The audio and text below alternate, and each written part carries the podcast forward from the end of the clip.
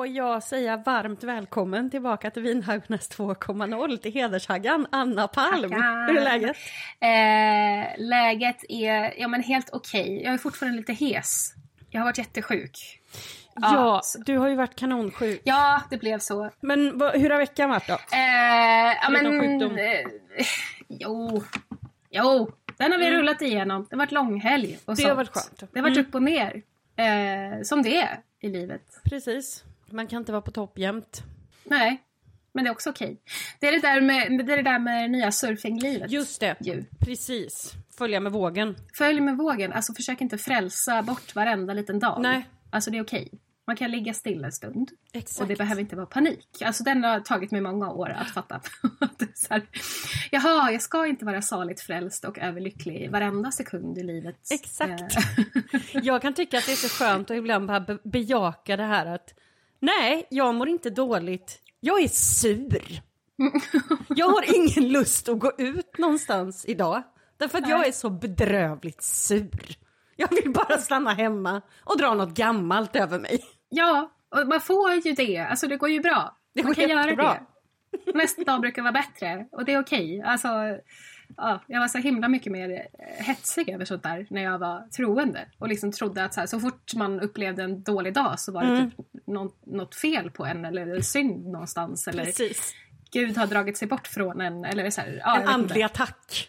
Ja, nej men alltså avslappningen i att få vara inte frälst, Annika. Eller hur? Nej men alltså det är så här, när man är såna så här känslomänniskor som vi som åker upp och ner och Mm. hit och dit. Alltså så här, det är inte snällt att dok- indoktrinera sådana människor att de ska vara frälsta och saligt överlyckliga Nej, nej, nej. i Jesus. Alltså för att man är inte det.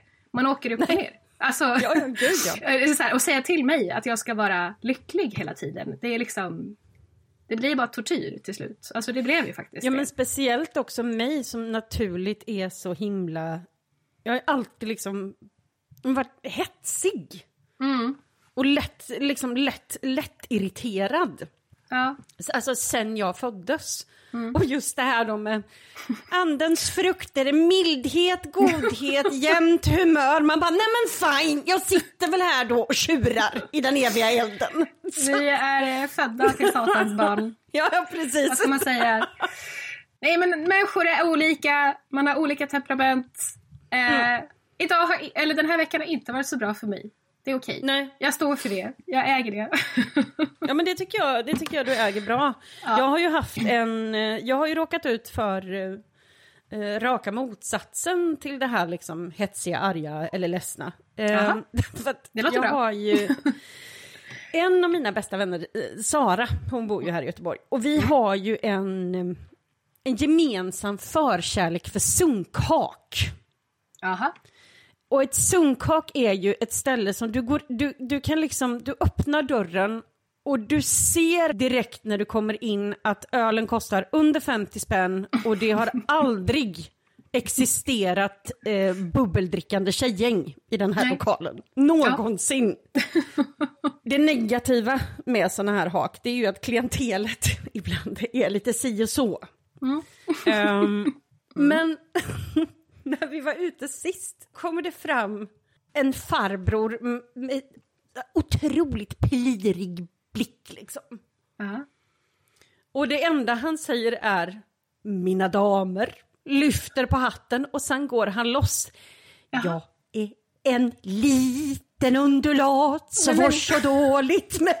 Hela, sjunger igenom hela sången Ja. Och lyfter på hatten igen och går därifrån. ja. Och det, det, det var frinklig, skulle jag bäst beskriva honom som. Ynklig. Det är underbart att man får användning för det ordet någon gång ändå. Eller hur? Ja. Det var, men det var också, man såg att han var så fruktansvärt nöjd med Ja. att han kom ihåg hela sången. Men gulle. Och sen spatserade glatt därifrån. Så det jag kände att en spontan serenad av jag är en liten undulat som får för dåligt med mat. Det, det, det lyfte faktiskt stämningen. Ja. Det, det blev en väldigt bra kväll. Det, efter det är ändå bara trevligt. Liksom. Ja, precis. Så det har jag gjort. Ja.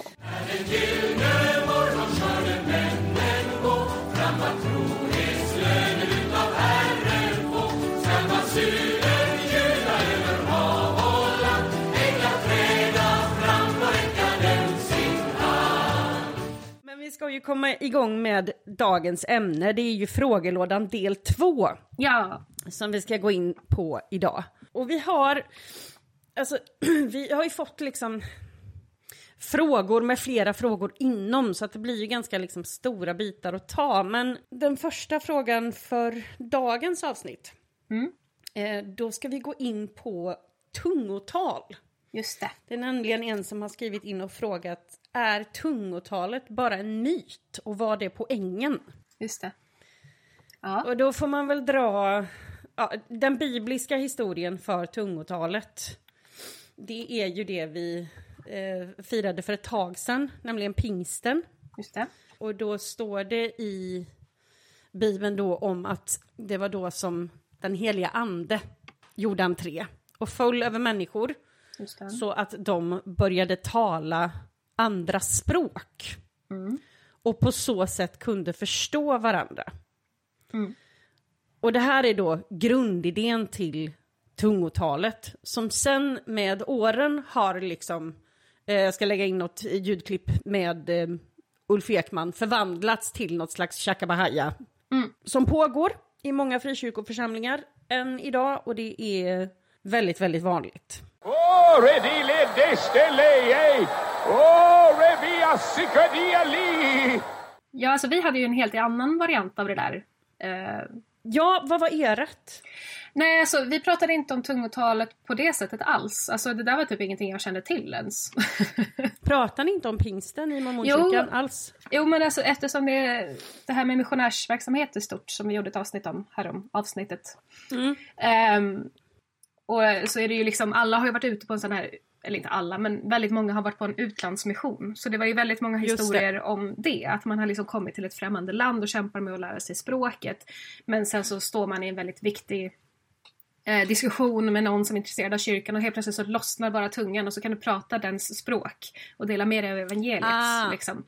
Så det var många sådana historier som gick runt, att man liksom skulle få hjälp av anden att prata språk eh, för att föra ut evangeliet. Liksom. Alltså det, det, var, det var så vi såg på tungomålsgåvan. Eh, och det, men det var liksom ingenting som jag upplevde eller, eller så. Liksom. Så det var inget Nej. centralt för oss alls. Det var liksom en, en av alla andra grejer från skrifterna. Typ så. För det där tycker jag är en sån intressant sak, för att där har ju faktiskt, eh, vi pratade om det lite innan vi började spela in, att i just det fallet så har ju faktiskt mormonkyrkan prickat ganska rätt, Ja. eh, enligt skriften.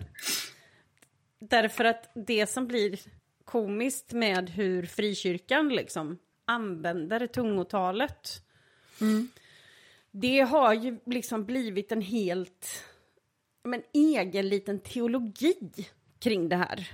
Ja. Så att om, om man ska på fri, i frikyrkans synsätt prata om tungotalet så är det att de sa alltid att tungotal är när anden i dig ber till Gud.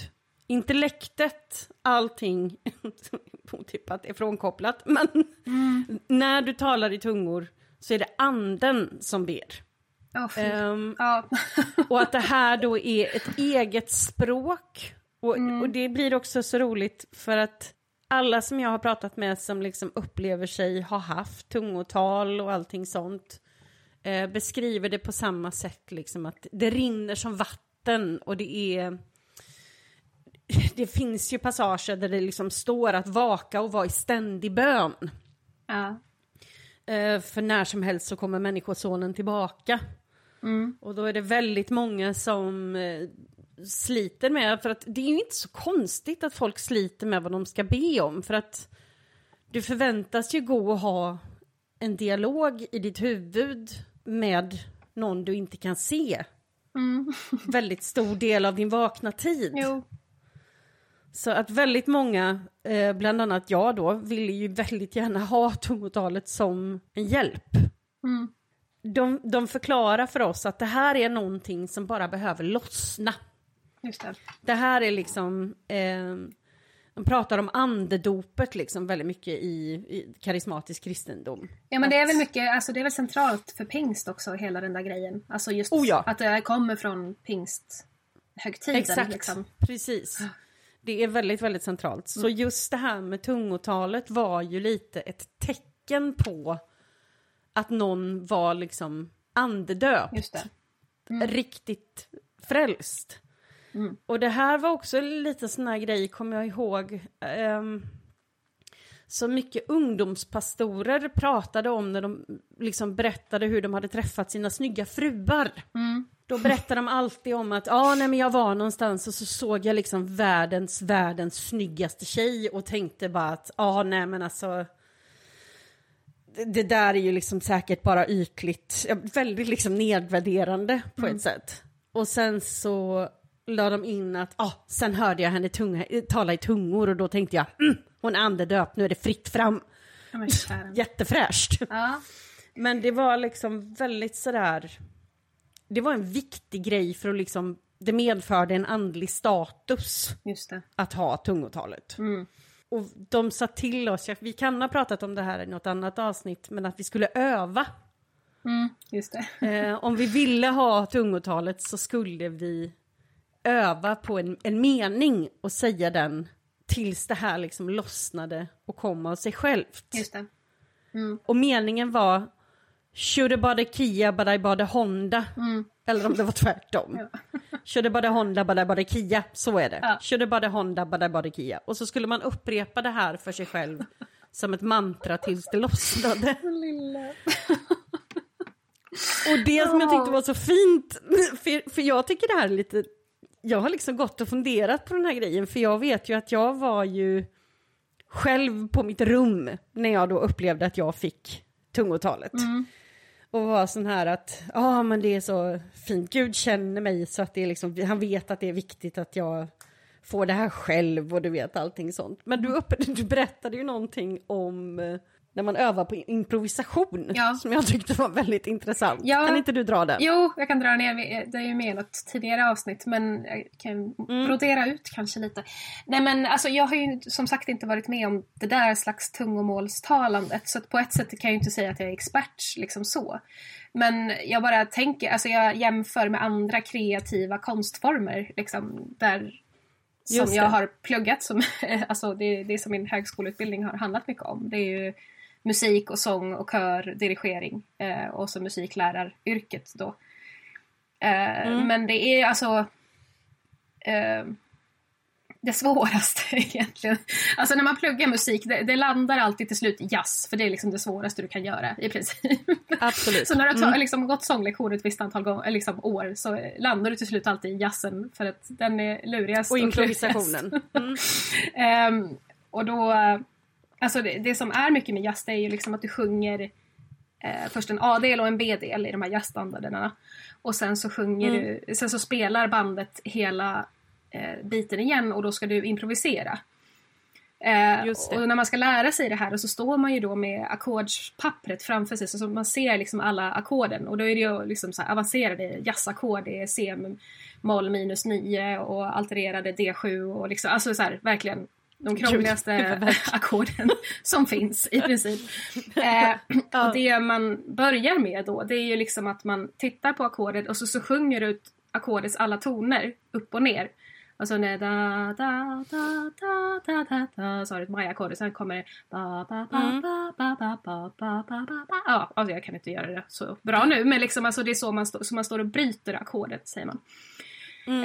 Eh, så då sjunger man liksom bara om och om igen liksom alla eh, Alltså för när du ska lära dig improvisera på ett instrument då är det mycket lättare. Då ska du lära dig trycka ner rätt fingrar eller blåsa rätt eh, frekvenser eller liksom, ja, vad det nu är. Då, hittar du runt i tonerna på ett annat sätt. Men när du ska sjunga det så måste Precis. du liksom lära dig höra och lära dig liksom hur din, din ton ligger i förhållande till ackordet. Och det är ganska mycket Ja. svårare liksom. Eh, Så man övar så, man står och bryter ackorden och sen så kanske man övar bara att sjunga bastonerna och sen kanske övar att sjunga bara terserna och sen bara kvinterna och så vidare. Liksom. Eh, och sen så övar du liksom att till slut när du har gjort det här tillräckligt många gånger så blir du liksom flytande i det så att du hör direkt så här att okej nu är det det här ackordet. Då har jag de här tonerna att hoppa Just emellan. det. Och så ska det ju bli ett typ Alltså så ska man liksom hoppa upp och ner sådär. Och till slut så blir man ju duktig så att man blir supersnabb och kvick i det här och liksom. Och det är det som Mm. blir då jazzimprovisation. Eh, och det är liksom så för mig så låter det ju där, när det som du berättar, liksom att man övar på Ja. stavelser eh, som till slut blir så flytande i det att du inte har något motstånd liksom, i att hitta på stavelser i en enda Nej. följd. Liksom. Ehm, Nej men det där är så himla fascinerande Ja. för det, det, det, är, det, det är... Jag har ju varit liksom öppen med det där att jag har inte svar på allting. mm, Jag har inte en tydlig förklaring på allt som jag har varit med om och upplevt. mm, För jag kan inte tillräckligt nej, än. man lär sig ju liksom ju äldre man blir. mm, Men den kommer jag ihåg var sån, när du berättade den. mm, Det var sån otrolig lättnad för mig, för jag hade faktiskt lite svårt att släppa just min upplevelse med tungotalet. Jag förstår. Eh, det, här blir, det blir väl lite personligt nu liksom, men jag kommer ju ihåg just det här att ehm, för mig så var det så livsviktigt att få just tungotalet, för att jag kunde liksom inte vara den eh, som kom från en icke-kristen familj. ehm, och dessutom inte var andedöpt liksom. Mm. Så att jag, jag vet att jag, jag tror jag höll på att be om, över det här, om att få det här och satt och övade i säkert eh, något år. Mm. Ja, Dagligen liksom. ja. Eh, och sen så var det ju det att, jag kommer ju ihåg om jag tittar på det rent krast när jag tittar tillbaka liksom på tungotalet så var det ju precis som du säger det, det var nästan som en ackordföljd men det var en viss typ av ord, ett viss typ av uttal, en eh, tonalitet, en musikalitet i det som följde ett, ett visst mönster. Mm. Och jag kommer ihåg när jag hade lämnat tron. Mm. Det var faktiskt en av de sakerna som jag höll extremt privat Mm. under hela tiden. Mm. För jag minns ju att tungotalet hade jag ju kvar i, ja men no- några år Just det. efteråt tror jag. Eh, och för mig så var det liksom, jag hade ingen, ingen förklaring på det. Och vissa är ju mer såna här, ja men ha lite mer distans till sig själva så att de kunde liksom använda det som partytricks. men, men jag kunde absolut inte det, jag hade ändå liksom på något sätt respekt för min egen upplevelse Mm. i det. Just det. Det var heligt fortfarande för dig på något sätt. Det var fortfarande, fortfarande heligt för mig un, under flera år liksom. Alltså ibland undrar jag om kristna faktiskt har läst Bibeln. För att det är just, ja men jag menar just det som om man till exempel tittar, jag menar jag tänker hur otroligt infekterad hela hbtq-frågan är. Mm. Eh, ska man välsigna samkönade, ska, ska de ens få med, bla bla bla. Ja. Det, det är bara så intressant det här att med liksom tolkningar och allting som har kommit in när det så himla tydligt står till exempel i Bibeln att du får inte ställa dig upp och tala i tungor inför en församling om det inte finns någon på plats som har gåvan att tolka tungotalet. Okej. Därför att kommer det in en utomstående så kommer de tro att ni är knäppa i huvudet. Så man får alltså inte lov, enligt Bibeln, att liksom öppet och högt stå och tala i tungor. Och då vill jag bara säga att vi har en liten församling som har funnits ett tag i, i Sverige som heter Ja. Livets Ord. Vi har det. Jag vet inte riktigt om just, just det bibelordet applicerades inte Nej, jättemycket nej. där.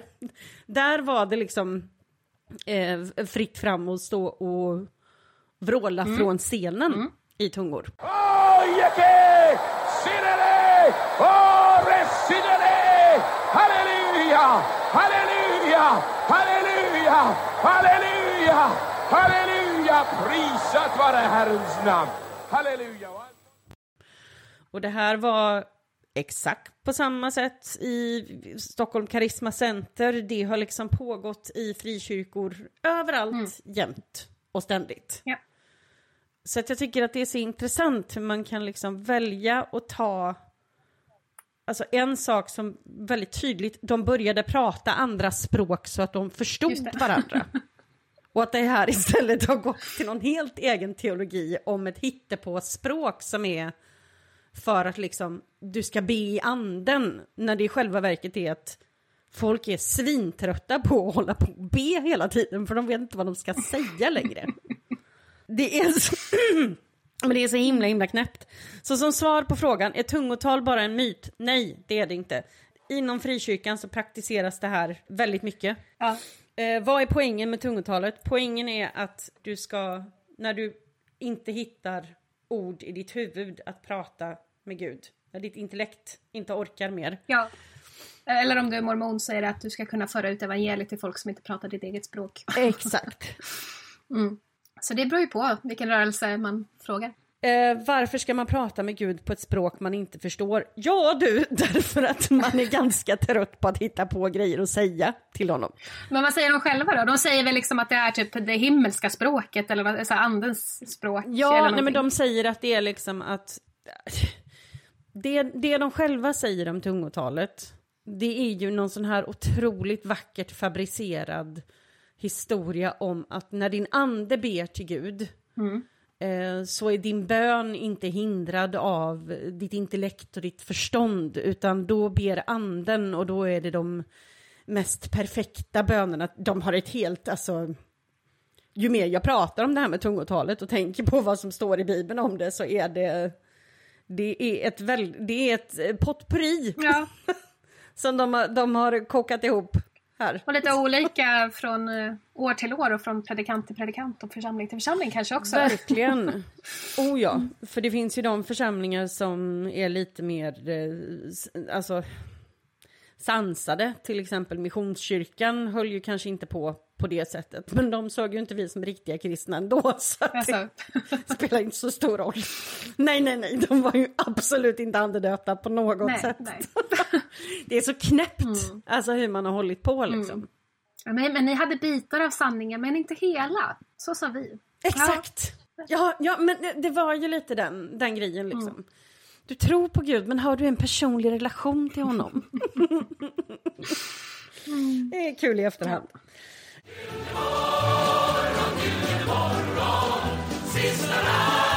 En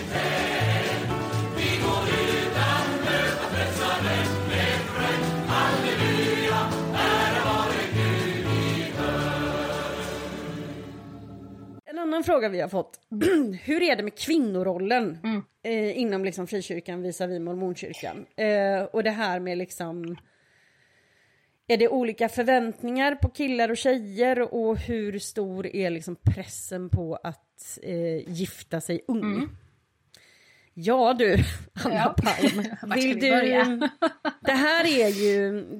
Alltså, där vill jag väl faktiskt våga påstå att eh, mormonkyrkan går på steroider i just den här frågan. Så vill du börja med det här? Ja, det får man väl ändå säga. Det är nog skillnad mot alltså, frikyrkan generellt och mormonkyrkan. Men vi pratar ju liksom i stora termer här. Eh, Mm. På något sätt. Eh, nej, alltså det, det är det jag säger om och om igen. Eh, alltså giftasfokuset i mormonkyrkan är liksom it's, it's for real. det, Mm. det, det är det det handlar om. Det är det det går ut på. Eh, så det, är liksom, det, det är ingenting de gömmer, det är ingenting de sticker under stol med. Utan det är någonting de tycker är jättefint och jättefantastiskt. Och det, är liksom en, det är en del av deras kärnbudskap. Att de Ja. verkar för att bygga starka familjer. De pratar om att de har ett familjefokus. Eh, Just det. så att de liksom vänder ju på det och ser det som liksom något fantastiskt och underbart. Att det är liksom de har budskapet som leder till att folk har starka familjer. Eh, och Mm. goda familjerelationer. Liksom. Så det är det som allting handlar om. Nej men alltså då apropå eh, hur familjefokuserad mormonkyrkan är. Mm. Eh, så finns det ju en skrivelse eller vad man ska säga. Det här kom 1995, jag kommer ihåg när det här kom. De förkunnar högtidligen att äktenskapet mellan man och kvinna är instiftat av Gud och att familjen har en central roll i skaparens plan för sina barns eviga välfärd. Alla människor, män och kvinnor, är skapade till Guds avbild. Var och en är ett andebarn, en älskad son eller dotter till himmelska föräldrar och har som sådan gudomliga egenskaper och förutsättningar. Att det finns olika kön är nödvändigt för den enskildes förjordiska, jordiska och eviga identitet och uppgift. Eh, är de första styckena då och sen så är det ju en, en hel A4 här. Just det. Prat om det här så att det är liksom Kan inte du bara berätta Ja. lite om det här med, med andebarn och det förjordiska? Alltså jag tycker att det är så himla Ja. spännande. För att min, jag kommer inte Ja. ihåg om jag tog det förut. Ehm, men alltså, när jag började intressera mig för många, många år sedan för mormonismen, så som jag uppfattade det, så var det att ehm, jag hade någon sån vag idé om att mormoner tror att det liksom går omkring i princip själar på jorden som inte har ett hem och att det gäller att föda många barn så att man ger hem åt de här själarna. Men du har ju förklarat Ja, att det är det är, lite annorlunda. Mm. Eh, nej, alltså gå runt på jorden. Jo, men de kunde väl besöka liksom de ofödda, så att säga. Ja, man ska säga, ande, andebarnen. Liksom. Alltså, för man, man pratar om att det fanns en förutillvaro. just det. Eh, där vi alla bodde innan vi fick våra jordiska kroppar. Så. Eh, och så är det ju en lång historia. Alltså det här är ju... Eh, om du pratar med missionärerna från mormonkyrkan så, så kommer de berätta det här, den här Mm. historien om vad som hände i förutillvaron. Att Gud eh, berättade en dag för alla oss andebarn om en plan att vi skulle, han har skapat en jord och vi ska få födas ner till den få jordiska kroppar och där bli liksom testade. Okej. Och sen, ja, och hur vi liksom består provet så att säga. Mm. Eh, och sen så, kommer, sen så fortsätter existensen efter jordelivet med ja, tusenårsriket och domedagen och bla bla bla. Och så det yttersta målet är det celestiala riket då så småningom. Just och dit, dit kommer man ju bara om man är gift i templet. Just det. Men i alla fall, så att vi, de tror ju liksom att alla vi har levt i Guds närhet som andebarn i en förutillvaro, alltså en pre-heaven. Ja, förexistens. En, en förhimmel Ja. liksom. Eh, och där liksom valde vi alla att, få, att liksom, vi valde Guds plan att komma ner till jorden och födas i jordiska kroppar. Mhm. Så tror man. Så att man tror ju liksom att det finns andebarn uppe i förutillvaron. De går väl inte runt så mycket på jorden tror jag man inte man pratar om. Eller de kunde väl besöka, pratar man väl om någon hade haft någon andlig upplevelse och upplevt sina framtida barn, liksom sådana där saker. Okej. Ehm, så att man liksom...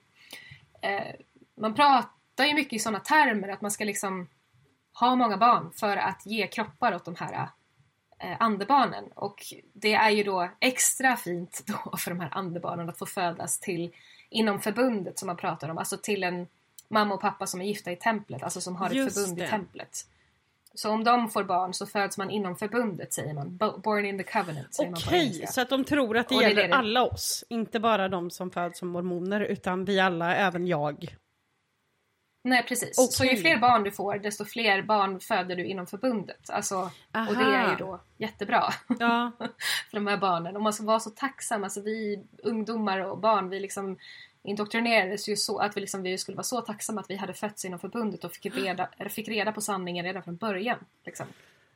Nej men det, det, det är en väldig hype eller så, eh, kring det här barnafödandet. Och liksom, de pratar ju ofta om att så här, eh, men man, man får några barn och sen så liksom Alltså ett uttryck är så här, nu är familjen komplett. Liksom. Nu känner vi att Mhm. nu har vi fött de, som var, de andebarnen som var menade för oss. Liksom.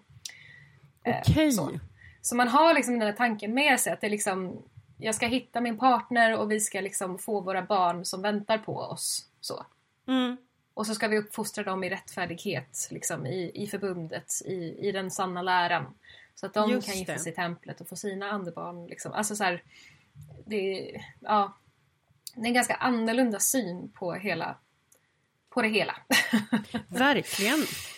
ja, Men alltså har jag fattat det rätt hela det här liksom att det känns lite som att ehm, det här med att liksom gifta sig och bilda familj och, och framförallt föda barn för kvinnor i mormonkyrkan är liksom Har inte du sagt det tidigare att det läggs fram som typ enda vägen till lycka för kvinnor? jo.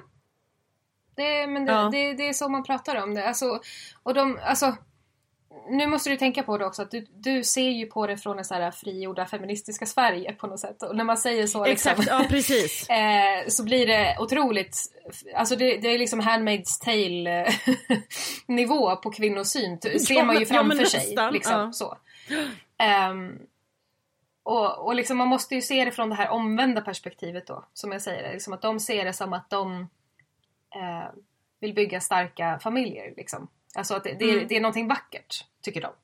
Mm.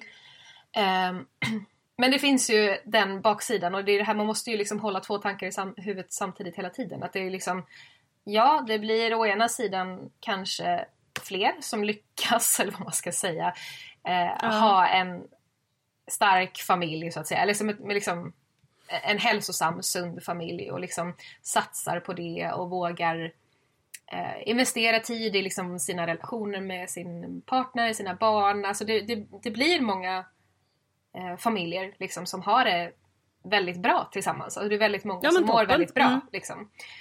Eh, men baksidan är ju att det är ju väldigt stereotypt. Alltså det är ju Ja. inte alla människor här i världen som mår bra av en kärnfamilj. Alltså, ja men är det HBTQI till Absolut exempel? inte. Alltså bara där. Oh ja. Då faller ju hela grejen. Liksom. Mm. Ehm, eller eh, ja, polyamorös finns det ju också. Eller liksom bara Ja, eller bara precis. som jag som mår bättre när jag får liksom utbilda mig och jobba. Det är det som, liksom, då, Mm. då får jag ihop mitt liv. Det är så jag funkar. Jag funkar inte bra om jag ska liksom ha fem, sju barn och vara hemmafru. Liksom, som var det jag blev uppfostrad till att bli. Alltså jag, jag kan känna att den primära skillnaden är lite mer Alltså barnaskaffandet. Mm. Frikyrkan har inte samma press på barnskaffande Just det. som mormonerna har. Nej. I frikyrkan så är det mer att det liksom... Ja men det, det är en av de här stora sakerna som du gör. Ditt liv ska lite se ut som att... Ja men du... Du ska bli frälst, döpt, andedöpt. Sen ska du gärna gå bibelskola. Gifta dig och komma ut i din kallelse. Så att giftermålet är liksom mer en sån här det är, en vikt, det är en väldigt, väldigt viktig grej i frikyrkan för att du får till exempel inte lov att åka ut var som helst och jobba för kyrkan om du inte är gift. Just det. De vill ju alltid gärna se par liksom. Mm. Eh, och då är det ju, det är klart att det finns kvinnliga pastorer och allting sånt. Men traditionsenligt sett så är det ju vanligast med liksom en manlig pastor och hans härliga fru som tar hand om barnen och allting sånt. Ehm, det är ju lite det här också att du ska, du ska ju liksom upptäcka det här med vem du ska dela ditt liv med. Det var ju, jag kommer ju ihåg att när vi var unga så pratades det mycket om så här gudsman och gudskvinna. Mm. Man skulle se till att hitta någon som var liksom ordentligt frälst och inte bara så här söndagskristen som man använde som ett skällsord. Mm. Ehm, det vill säga någon som liksom inte levde ut sin tro på veckans alla dagar och var kolerisk dygnet runt liksom. Nej men det, Ehm. det uttrycket hade vi nog också. Att man var Mm. söndagsmedlem tror jag vi sa. Och sånt där.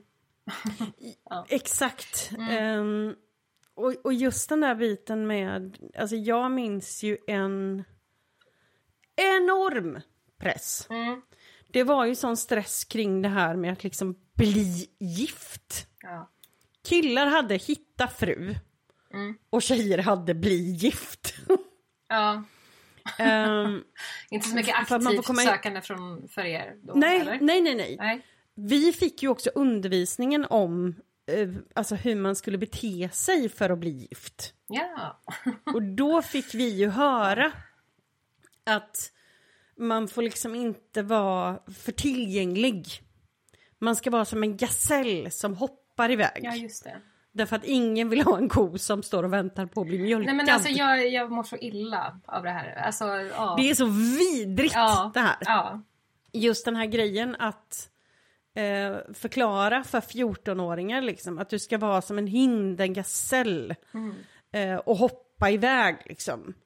Samtidigt som att männen, eller pojkarna blir undervisade i att eh, ju mer du syndar desto fulare fru får du. Nej men alltså jag mår så illa! Så att- Åh! alltså. Ja, ja men det är, det är vidrigt. Ah, ja, och det är och så det sitter som man blir så jävla tonåringarna här och lyssnar på den här Ja, ja, ja. jävla skiten. Alltså förlåt men jag, ja. Ja. Nej. Ja, ja, ja. Nej.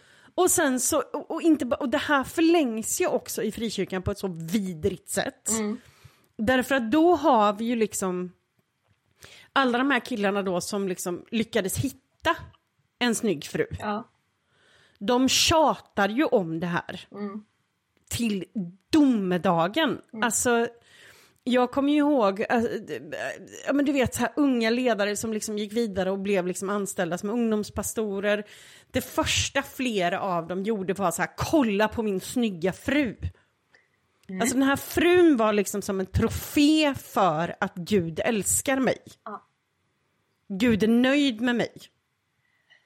Och i förlängningen, så det allra sjukaste med det här, det är ju att de killarna som inte hade en snygg fru, de gick ju upp och använde det i predikningar. Alltså hur då använder? Ja, nej men alltså jag var fast i fåfänga. Jag syndade på det här och det här området. Så att Gud gav mig min fru för att liksom lära mig en läxa. Så att de använde li- på riktigt. Men vadå när frun sitter i församlingen och lyssnar?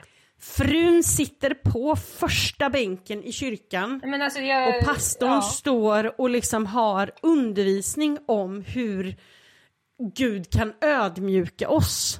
Alltså, Och då använder han sin frus utseende om det här. alltså det är så bisarrt. Alltså det är bara så här... Ja, ja, ja, men det är helt va? sjukt. Det, det är så sjukt så det finns inte. Och det, det är liksom den här biten att de pratar om det som att ja, men jag älskar min fru över allt annat, det finns ingen bättre kvinna i hela världen eh, och allting sånt här. Det var ju bara det att hon såg inte ut som min drömkvinna.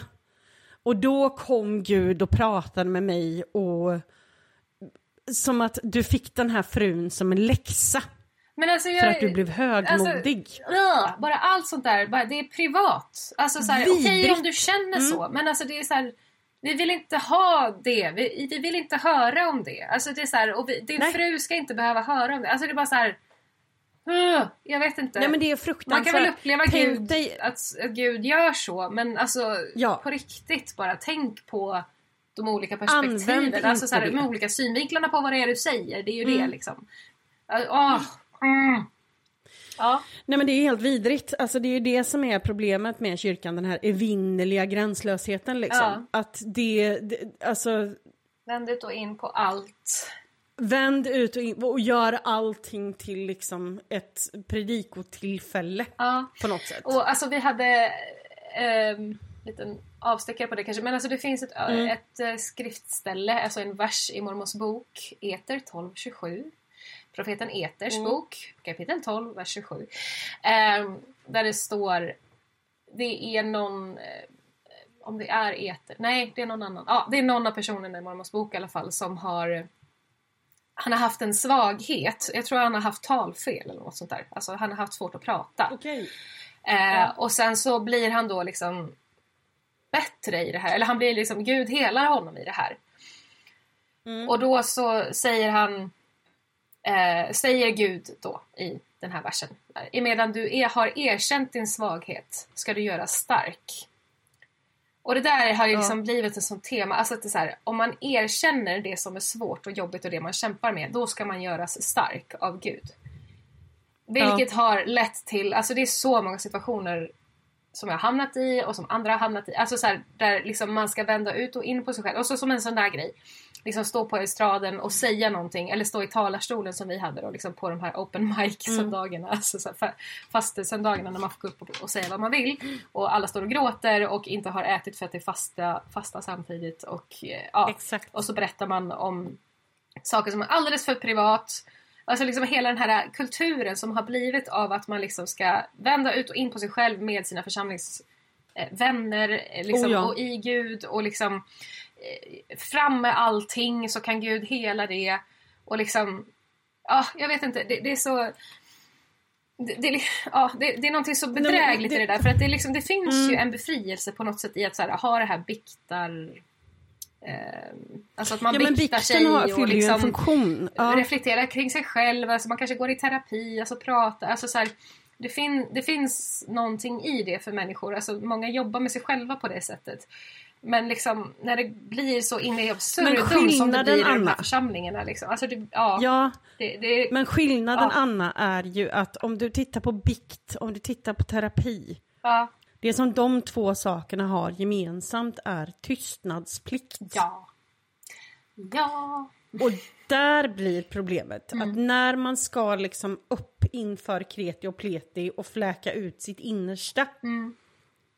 Så finns det ingen tystnadsplikt. Nej. Och det är... mm, Det blir liksom inget bra. Nej. Och det tror jag är så himla, himla farligt. Mm. Men jag vet ju också det att jag kan tänka lite så här att i frikyrkan så var det ju man skulle ju gifta sig ung. Mm. Jag tror väl att jag var på mellan 99 och 2004 så var jag ju på en 20 bröllop, och, alltså utan att blinka. Ja. De flesta mellan liksom 00 till 02. Eh, för det vanligaste var att folk gifte sig mellan 20 och 22. Japp. Och sen så fanns det de som liksom gifte sig sent. När de var Och 24. de var 24 liksom, ja precis. Och jag kommer ju ihåg den här stressen väldigt, väldigt mycket. För att jag blev ju aldrig gift liksom. Nej. Det är ju inte en jätteskräll att min personlighet inte gick ihop med frikyrkokillar liksom. Det... Chocker! Det behöver inte vara Nej, eh, någonting dåligt, tänker jag. Nej, det tycker jag absolut inte är någonting dåligt. Jag känner mig bara oändligt tacksam att jag in... Alltså tänk om jag hade gift mig och lämnat och liksom... Som ingen jag som vill- gjorde. Ja men precis, men ingen vill ju väl gå igenom en skilsmässa. Det är väl ganska Nej. allmänmänskligt Nej, liksom. Alltså. Ehm. Och det är ju så många som har behövt göra den resan. Alltså, uh, eller som inte vågar göra den resan och är fast med någon som de inte passar ihop med. Alltså det är... Uh, det finns så mycket Ja, precis. smärta och sorg i, i det här. Eh, I olika livsöden. Alltså det är så Oh, ja. hemskt. Är det. Hemskt är det. Och det blir, så, det blir så rörigt också när mm, liksom, människor som... en sak som jag kan tycka är intressant för att för fotfolket liksom så är ju eh, skilsmässa inom kyrkan eh, big no-no. Eh, det händer och då är det någonting tragiskt och de flesta kyrkor nu för tiden hanterar det skapligt bra. Men det som jag tycker är intressant, det är ju snarare de som är på ganska upphöjda positioner, alltså pastorer eller folk som är lovsångsledare eller någonting sånt som ja, men som blir kära i någon som inte är deras partner. De har ju snarare en tendens inom frikyrkan att liksom eh, dansa någon form av teologisk tango och försöka alltså, rättfärdiga det här beteendet. Så att skilsmässa är jättefel för alla andra, men just dem, Ja, ja. där kan det nog finnas någonting speciellt med Guds vilja Alltså. som alla andra har missat. Men alltså jag tänker på det här. Det är jättespeciellt. Ja men jag tänker på det här och jag tänker på det här med liksom alla alla sektledare runt omkring som har liksom, Ja. hur det alltid spårar ur i liksom galet sexliv typ. Oh ja. Eh, och jag, alltså, så här, när man går runt så här och tror att man är kallad av Gud och man liksom söker i sig själv Mm. och man jobbar med sig själv och man vänder sig till Gud och man mediterar kanske eller vad man nu gör, ber, håller på liksom med sig själv och sitt inre. Alltså vi är sexuella varelser. Alltså det finns asexualitet Mm. Oh ja. också. Men liksom de flesta av oss har en sexuell dragning hit eller dit. Till på någonting. Något sätt. Och liksom är man inne i sig själv så mycket Mm. och så tror man liksom att Gud är med en i den här äh, längtan eller i, i den här äh, kampen man har med sig själv, med själen. liksom. Begäret. Ja, då är det klart liksom, att Gud någon gång kommer säga till dig att din sexuella liksom, drift är... Det, det, liksom, det blir sammankopplat. Man tror ju att det här är från Gud. Alltså, så det är så här, ja jag blir kär i den här, jag blir kär, Ja. liksom, kär i den här unga snygga tjejen. Ja, det, är liksom, det, det blir Mm. så här, det är ju samma upplevelse som att du har en gudsupplevelse på något sätt. Alltså, det, Oh, jag, ja. kan, alltså, jag fattar verkligen varför så många eh, liksom, som är överdrivet religiösa spårar ur i liksom, så sexuella beteenden. För att det, liksom, det hänger ihop, tänker jag. Eh, Ja, gud ja. Alltså det, det handlar ju om en form av extas. ja. Alltså alla de här liksom andliga upplevelserna och liksom de toppen sexuella upplevelserna. Det, det handlar ju om extas. Mm. Och, och just, men just den här, jag tycker att det blir så intressant att man ser sig själv på ett sätt som... Ja men som så himla helig och ren att det är klart att den här känslan är från Gud. ja, Det är För- bara för alla andra i hela världen som det inte är det. för den rena är allt rent, För- vet du. Exakt, Ja. för jag är så toppen. Ja. När den gyllne morgon de avsomnade träda fram ur gravarna att Herren se Jubelrop och sång ska fylla himmelen ty de kära evigt mötas får igen Det som kan göra mig lite trött. Du, du har ju kvinnofrukostar och allting sånt. Det finns ju mycket initiativ för kvinnor. Men mitt intryck var väldigt mycket hela tiden utifrån en kvinnoroll som jag inte känner mig helt bekväm med. Det är ju så otroligt stereotypa könsroller inom, ja det är ju på många ställen, men jättemycket inom Jo. kyrkan. Och just det här mjuka, hålla på och sitta och hålla varandra i handen och prata om känslor, det känner väl inte jag mig jättebekväm i överlag. Sådär. Så att jag undvek ju de flesta sådana träffar med liv och lust. och sen så upplevde jag ganska mycket en sån här, ja, men väldigt, väldigt mycket, vad ska man, vad ska man kalla, självgodhet Jo. Hos många som liksom blev, eh, om, om, inom citationstecken då, blev gifta unga. Mm. Självgodhet och också en form av självhävdande. Mm. Som jag tyckte var väldigt, väldigt obehagligt. Eh,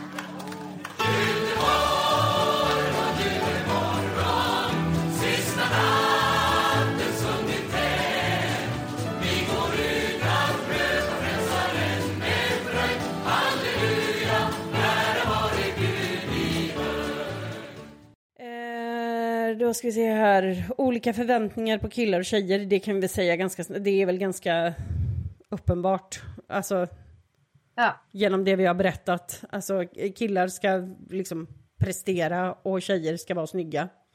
Och stöttande. Mm. Ja. Ungefär. Det är väl det. Är väl det.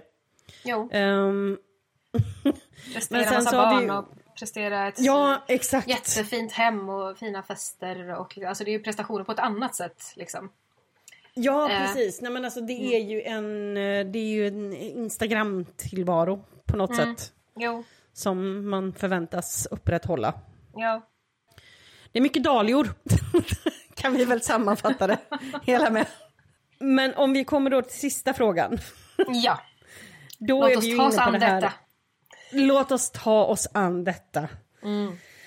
Då är det ju hur långt får man egentligen gå innan det räknas som knull? Den här a tale as old as time. Världens mest tröttsamma... Världens mest tröttsamma fråga.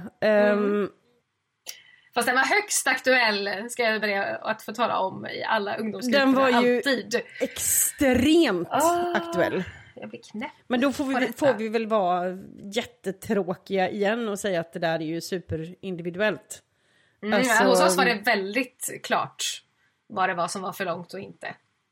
Kör hårt, berätta. Mm. Eh, nej men alltså erogena zoner var liksom nej, man tar inte på varandra Mm. på erogena zoner. Alltså brösten, underlivet, så. Eh, Just det. om man inte är gifta, alltså det här är om man, när man dejtar, det är liksom Alltså en stor andel av undervisningen för ungdomar handlar om liksom sexuell renhet och liksom vad är gränsen, vad är för mycket, vad är för lite, när blir det för intensivt liksom. Alltså Exakt. blir det för upphetsad, då har det gått för långt. Typ. Alltså det är så här, Ja. Ja, och då ska man ju gå till sin biskop, sin församlingsledare och bikta sig, som det, eller de kallar det ju liksom att man eh, ja, gör en omvändelseprocess med sin biskop, alltså att man erkänner allting och då kan det vara liksom i detalj och det är det här som är så fruktansvärt, det här är det som jag pratar om om och om igen eh, med de här värdighetsintervjuerna som försiggår i mormonkyrkan. Är, det, det är ju det här liksom att församlingsledare sitter ner med minderåriga och pressar dem på detaljer om deras eventuella sexliv. Eh, Ja, det är så man ska- fruktansvärt. Ja, och så ska man liksom erkänna allt. Eh, och det Mm. liksom, finns berättelser om ungdomar som har fått sitta i timmar och berätta allt, allt, allt för de Är här? Ja. församlingsledarna. Eh, om det har varit för mycket då. Så ska man då omvända sig och då får man restriktioner. Man kanske inte får ta sakramentet, alltså nattvarden som de kallar för sakramentet. Och Mm. Man får inte ta på sig uppgifter i kyrkan under en period och sådär och så vidare. Och man får inte komma till templet. Så ifall det är några som är förlovade men plötsligt ställer in sin tempelvigsel, ja då vet man ju vad som har hänt. Så att säga. Okej, ja. Ja, då får de gifta sig borgerligt först och så får de vara gifta ett år och omvända sig och sen får de gå till templet och gifta sig i efterhand. Ja. Okej. Så det är Vilken inte skam alls, det måste Ja, vara. det är inte alls eh, skammande kultur eller så, nej. Fruktansvärt. Eh, ja, nej men i alla fall. Eh, nej men så att det är ju liksom stort fokus på att liksom hålla ungdomarna rena, att de ska veta vad det är eh, som man inte får göra. Man får inte onanera, man får liksom inte ta på sig själv. Och det är Nej. liksom, alltså det är så här. eh, jag vet För inte. det räknas som autosexualitet. Ja, nej men eh, liksom Mm. vad ska jag säga? Alltså det, det är så här. Hur kan man göra så? Alltså jag vet att det är väldigt vanligt att det här ofta liksom kommer upp i liksom så här olika Mm. religiösa tankegångar och sånt där. Men liksom det, är så här, det, det är din kropp, alltså det är, så här, det är ju medicinskt. Alltså så här, jag, jag liksom... ehm, alltså så bara sköta sin hygien liksom, och kan ju folk få problem med. För att man liksom inte så här, man får inte ta på sig själv. Alltså så här, det, Nej. bara, vad är det här för någonting? Det är liksom, det är så absurt alltihopa. Men men man får blir- inte, man får onanera, man får inte ta på någon annan, man får inte göra Nej. någon annan för upphetsad. Eh, ja. Och liksom, eh, ja. Så finns det en massa så förhållningsregler. och Alltså, var inte ensam för länge på kvällen med den du är tillsammans Exakt. med. Liksom, och sådana Mm. där saker. För att man inte ska bli frestad då. Och kvinnorna, eller liksom tjejerna då, måste ju klä sig anständigt så att de inte frestar männen för mycket. Eh, så. För att eh, Just det. kvinnor kan ju inte bli frestade på samma sätt. Nej, riktigt. Så det är precis. inte alls samma fokus. Fast det är så här. Ja men jag vet att det var någon så här, ungdomskonferens vi var på när vi liksom hade blivit itutade alla vi tjejer, liksom, vad som är anständig klädsel. Mm. Det massa bråk hela tiden. Så här, får man ha bikini? Nej, det måste vara en hel baddräkt. Eh, får man ha axellöst? Nej. Eh, bla bla bla. Och sen så var det liksom några killar som sprang iväg och spelade fotboll nere på fältet och så tog alla av sig bara överkropp. Liksom. Och så spelade Ja. alla killar i bara överkropp men det sa inte ledarna någonting om. Nej. Så, så var det någon tjej där i min församling som bara gjorde en kupp så här, och ställde sig och skrek så här bara på med tröjorna! På! och, så här, och, och liksom bara så här, vadå Ja. varför får de och inte vi liksom? Och då alla skrattade lite så här, det var ju gulligt av henne. Men det var liksom Ja, ingen som sa till de här Nej. killarna. Så. Eh, Jag har Mm. ju hört, alltså man, man hör ju grejer. För att en, en sak Mm. som man, man får liksom ge sexuellt frustrerade tonåringar är ju att de, de är ju, de är innovativa va? Och då har jag ju hört, det brukar bli så. Mm, då har jag hört det sjukaste och jag vet att du hatar det här ämnet för att du blir så besvärad. Men vi måste prata om det. Anna Palm, Ja, ja. kan ja. du förklara för oss vad soaking Ja, alltså, alltså jag var ju så ren och helig det, va, Annika? Mm. Så jag är oskyldig. Ja. och så jag, jag vet inte om jag är liksom expert på det här. Men jag har hört. Enligt säkra källor. Ja, nej men att man, eh, att man liksom ligger, men man ligger still med varandra. Det här är så, liksom roligt så jag... Alltså ja. Mannen för in den men sen är det still. Så. För det in den i den. tycker tydligen vissa är okej okay, och att man fortfarande är sexuellt ren då ifall man... Alltså det här, det här är så ja. chock för att alltså jag menar herregud jag fick ju dåligt samvete och gick och liksom eh, bad om förbön om jag hade hånglat med någon. Alltså, ja. det, här är, det här är så otroligt konstigt för att det är inte men bara alltså, Jag det. var för helig för sånt här så, så att det här ja. var ju de som var liksom lite mer the fringes liksom. Ja, precis.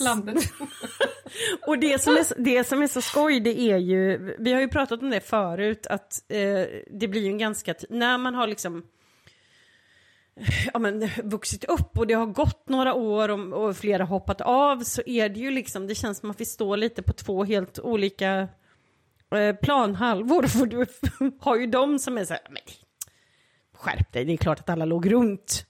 Ja, Nej, jo. och sen så har vi andra planhalvan som är så här, va? Nej, vad har... Jo, Va? Total förvirring. Blåögd, ja. Verkligen.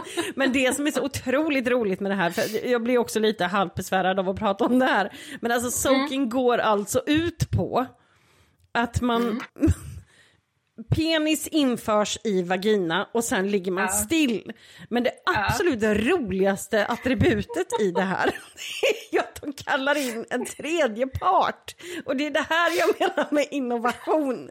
Att sexuellt frustrerade tonåringar, de kan ta mig fan hitta på vad som helst. För att ja. det, det, extra attributet är att en kompis kommer och mm. hoppar i sängen där de här två personerna ligger helt stilla för att simulera samlag, för att då är det inte deras fel. Nej. Jag vet inte. Alltså, alltså jag hoppas att det här bara är en skröna för det är bara så här, man kan väl inte vara så här dum, eller? Alltså, men jag, jag, eller är man så här smart? Det kanske är det. Jag har ju, jag har ju sökt efter det här i hur länge som helst. Och det är alltifrån ja. liksom att folk säger att ja, men det här är en myt till att man får så grundliga liksom, eh, alltså pastorspanikförklaringar om hur de liksom ska försöka och då contain det här, alltså begränsa det här ut, liksom, utbrottet av sexuell orenhet. Och jag kan, alltså det är ju det, vi hade ju ett avsnitt när jag pratade om, om det här med hur hysteriskt roligt jag tycker det är att eh, en förskola i Stenungsund har fått käka pung på föris i krigstider och pratade sjöpung, om... måste du säga. Sjöpung, ja, precis. Sjöpung. Mycket roligare med pung. Bara. Ja. Ja. Men ja, och just logistiken kring det här. Att jag, jag dör ju av tanken på att det liksom en hel sån pastorsstab ska gå in och ha en seriös diskussion om det här. Att det liksom... Men att det kommer in en person. Så att jag dör av astmaattacker. jag får astma, jag orkar inte. Jag får... Att det kommer in en tredje person. Ställer sig och Men alltså är inte det något sin... annat ord för det när man tar in den i tre? Alltså de kallar, de kallar det någonting annat men jag vet inte vad det är nu. Trekant ja. tänker jag. Nej, alltså... Ja, jo.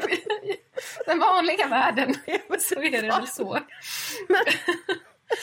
Uh, Konsult, nej, vänta, jag måste, jag måste är det det som är ordet du letar efter Anna? Vad sa du?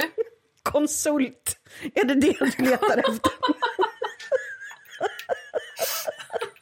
Nej men alltså grej, jag förstår inte. Det är en väldigt, väldigt specifik typ av vänskap också. jo. Ja. För att jag tänker att alltså det, det hade ju varit... Um, ja, nej men det, ja. det har jag hört om. Um, och, och det är, ja. vi har inga bevis kan vi säga. Nej. För om Man får det- gärna höra av sig. Man får gärna höra av sig. Om man har eh, historier om detta. Vi vill höra. Allra helst så vill jag ju höra om de som åker dit för att hoppa, för det måste också vara Ja. så... Och det, det Här går liksom eh, inte att bli... allt, tänker jag. Nej men jag tänker att det är fysiskt omöjligt att bli mer singel. Alltså, du, är- du är liksom så singel. Femte hjulet fick en eh, ny betydelse. Att du blir inkallad för att liksom simulera, simulera samlagsrörelser. Nej men det är, en, det är en ny nivå av nucka. ja, jo, ja. Eh, yes. Utah version. Ja, the Utah version of the crazy. Alltså det är så förtillvaron av the crazy cat lady. Alltså vi måste, vi måste klippa här snart. Jag orkar inte. Det för roligt. Ja, men, nej men det här ska med. Ja. Men Ja. det är ju vad vi har hört om mormonkyrkan. Eh, Ni får ursäkta. Vad har ni att toppa detta med? Jag kan inte tänka mig att ni är mer oskyldiga. Nej men alltså jag... jag... alltså, Nej, men alltså- är det för ord? Ja, men, vet ju det. Alltså det, fin- det finns ju lika många varianter som det finns sandkorn på en strand liksom. Ehm, normen är ju att du ska eh, absolut liksom hålla dig sexuellt ren tills du gifter dig. Så att i frikyrkan är det mer liksom att du ska inte ligga innan du gifter dig, punkt. Det som folk har gjort där är väl snarare definiera ligga. Ja.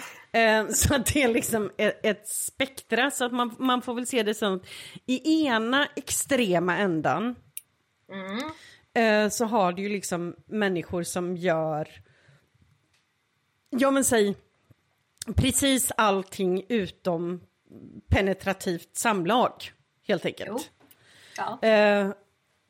Eh, klipp till andra sidan av spektrat som är eh, människor som inte kysser varandra innan de faktiskt gifter sig Ja, på bröllopsdagen. Jo, Eh. de hade vi också. Ja, precis. Ehm, det, vanligaste de som, jag, jag vet ju att det var ju ett, eh, det var ju ett rigoröst regelverk för de som ville hålla sig. För att de allra flesta kom ju fram till att ja, men vi får ju ha regler liksom, annars så blir det för jobbigt. Och det kan man ju förstå. Det är ju ganska rimligt liksom. Ehm, så att det var väl, många hade ju liksom att ja, men vi sover inte tillsammans, vi eh, rör inte bikinidelar. ehm, vi, vi, liksom, vi utsätter oss inte för, vi, vi bor inte ihop, vi åker inte iväg och är liksom oövervakade själva för mycket. Jo. Ehm, Ja, men det är lite samma som hur vi hade det nog ändå. Ja, precis. Alltså, förutom, förutom Soaky-biten. Men alltså, Ja, det jo, är men ju ganska i en, i en ren... Det var inte en del av min upplevelse. jag Inte min heller. Återigen Alltså, understryker detta. det är ju också, det är också såna här saker att det är så roligt att det finns ju en del av en... Alltså den här otroligt oskyldiga, alltså Ja. naiva, blåögda, oskyldiga delen av en. Någonstans i ens korrupta själ och kropp så finns ju den kvar. Så när jag läste om det här med. Soaking så dels så skrek jag av skratt men det fanns ju också 45 procent av mig som var Åh kära någon då! Oj oj oj oj! Och herrejösses det här får man inte... Tvätta ögonen med vigvatten efter jag hade läst det här. Jag ser lilla Nasse framför mig. Ja, men jag, kära, kära någon då! Ja, precis. Jag blir ju sån. Det är min inneboende Gulle. som jag liksom aldrig blir av med. Men, men just de här bitarna med klassisk renhetskultur är ju... Alltså vi fick ju undervisningen att eh, det var en synd att ens tänka tanken. Alltså att det var syndigt att tänka att man skulle pusha gränserna. Utan det var hela tiden att eh, hur kan jag hjälpa min partner att förbli ren? Hur, Vad kan jag göra för att inte försvåra det här för honom? Liksom? Ehm, för att som sagt, det var ju alltid riktat till att eh, tjejernas jobb var ju att inte fresta männen. För vi hade ju, i kyrkans ögon så har ju inte vi en sexualitet, utan vi ska ju bara Nej. finnas där och vara knullbara och inte ha sex och sen så helt plötsligt så ska vi ställa upp när vi är gifta och göra det så fort som våran man ber om det. Så att, Och föda massa barn. och föda massa barn. Så att vi har ju all, alltså det som folk eh, tänker är att, ja men alltså, du är kontrollerad fram tills du gifter dig. Och sen är det liksom fritt fram och ha kul. Men det där kan man ju glömma för att du har ju liksom, är du i, är du hårt hållen i en high demand religion så försvinner aldrig den kontrollen. Nej, det finns ju fortfarande ramar liksom. Ja. Och det, det står ju till och med i Bibeln att nu är jag nu är kvinnan inte längre sin egen utan hon tillhör sin man. Och mannen är inte längre sin egen utan han tillhör kvinnan. Ehm, så att det står i princip i Bibeln att vi liksom inte ska neka varandra. Ehm, och det kan man ju själv räkna ut med röven vilka problem det leder till liksom. Ja, Men... ehm, jag ska nog ändå säga, alltså för det, det tyck, jag tyckte ändå att det fanns liksom hos oss eh, en, en diskussion, och ett, alltså det samtalet fördes lite grann. Så här, att, Ja. att man... Ja men liksom att det var respekt och att det skulle liksom... Man skulle må bra båda två tillsammans och, och, och sådär. Alltså, så att jag, jag tyckte nog ändå att just det där som du pratar om nu, liksom att man inte ska Mm. neka varandra. Så det, det uppfattade inte jag i alla fall i min uppväxt. Ja, Eh, så. Men jag kan, jag kan nog absolut tänka mig att det fanns par och familjer där liksom där det ändå låg som en grunduppfattning och ställde till väldigt mycket problem. Ehm, ja, hur ska jag... jo, det finns ju ett nytt Instagramkonto. Eh, skam understreck den som ger sig. Åh, så bra. Eh, ja, eh, av Mia och Jenny. Ja. Som har gästat dig tidigare, eller hur? Jajamän, det är hederssaggor. Yes. Ehm, bara en, lit, en liten avstickare där, jag kommer ju spela in med dem ganska snart. Vi ska ju göra ett eh, avsnitt som är ännu mer fokuserat på just eh, renhetskultur. Ja. Så de ska få berätta. Bra. Men, men fortsätt med, med det du tänkte säga. Ja, nej, men de la upp ett inlägg här som jag delade också från min Mm. Instagram. För jag tyckte att det var så bra. Det är så rätt. Alltså från 30 maj då, 2023. Mm. Eh, om nu synd är synd och viktig att undvika bryr sig Gud bara om ungas sexualitet. Varför hör man aldrig om kyrkliga ledare som frågar ut medelålders företagare om de fifflar med sin ekonomi? Exakt. Alltså, bam! Säger jag. Alltså på riktigt, så här, vad är det som är så... Alltså hur? Hur har det blivit så här? Att jag undervisades liksom, i mina tonår om Ja. att sexuell synd är the sin next to murder. Alltså Ja. mord, alltså, det värsta du kan göra det är att förneka den helige anden. Alltså när du förnekar ett vittnesbörd som du har fått från Gud och Mm. går emot den helige anden, det är då du är värd det yttersta mörkret. Efter det kommer det. mord, alltså att, att mörda en oskyldig människa. Mm. Och tredje, näst värsta synden, det är alltså att bryta kyskhetsbudet. Ja. Alltså att onanera eller att ligga med någon du älskar som du inte är gift med. Ja. Eller vara gay eller något sånt där. ja.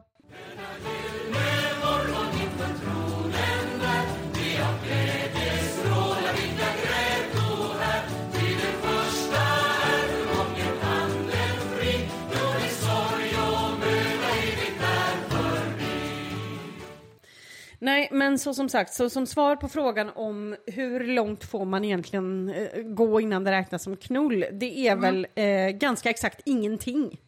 Men sen så kommer innovatörerna och gör sitt. Kan åka på studiebesök till Utah så Ja, precis. på en del. en del förslag. Får, får, men det är lite så här, får man lov att fresta med knäveck? Hur känner vi inför den? Åh, jag klarar inte mer nu Annika! Nej, Oh, ja. Fantastiskt. Ja. Men du, Anna Palm, mm. ditt gull, tack snälla för idag. Det har varit eh, otroligt fint att ha med dig som vanligt. Ja. Och eh, jag vet inte om vi har svarat på några frågor egentligen, men jag hoppas jo. att alla har haft kul. Jo, men ja. vi har svarat på en del. Ja, vi har svarat bra, tycker jag. Svaret, ja, precis. Svaret, ja, det, på B svarar vi, det vet vi inte. Mm. Um, men, underbart, men då, då hörs vi snart igen och så ha det gött, hej! Ha det gott, hej!